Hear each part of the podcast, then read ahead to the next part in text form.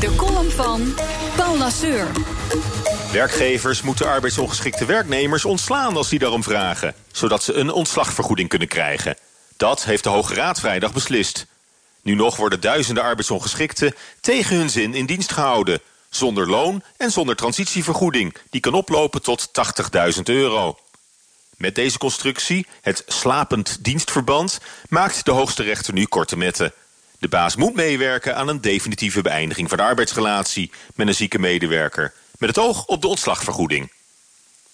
Voor wie er niet dagelijks mee te maken heeft, lijkt de hele kwestie rond het slapendienstverband misschien ingewikkeld.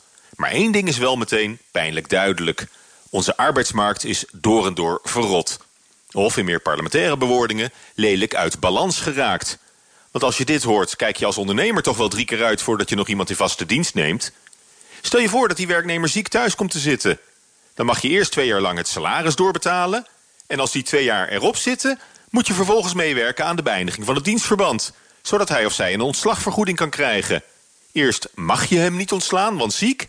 Dan moet je ineens meewerken aan ontslag, want transitievergoeding. Waarom zo'n groot risico nemen als je net zo makkelijk kunt volstaan met een flexcontract?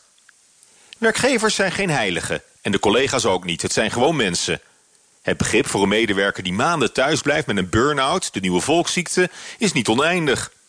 Dat maakt de weg terug naar de werkvloer al snel onbegaanbaar. Mijn voorzichtige inschatting is dat maar weinig burn-out gevallen na vijf of zes maanden thuis zitten er nog geslagen een succesvolle comeback te maken. Laat staan na verloop van de wettelijke tweejaarstermijn. Je moet sterk in je schoenen staan voor een geslaagde rentree op de zaak na maandenlange afwezigheid. In veel gevallen zal dan ook binnen een paar maanden na de eerste ziekmelding al duidelijk zijn of een terugkeer er nog in zit.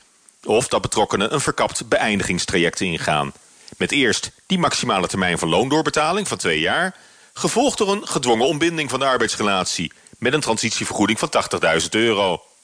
De keuze voor optie 2 is dan snel gemaakt. Je kunt het de zieke werknemer ook niet kwalijk nemen. Hij of zij maakt geen misbruik van het systeem. Het systeem zelf klopt van geen kant.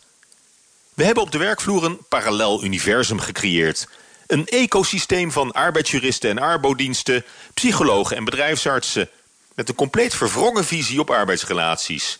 Daardoor kon een wanconstructie als het slapend dienstverband ontstaan. En door de Hoge Raad nu ook weer worden afgeschaft. Om de arbeidsmarkt werkelijk in balans te krijgen, zoals beoogd met de wet die die naam draagt, wordt nog een helse klus.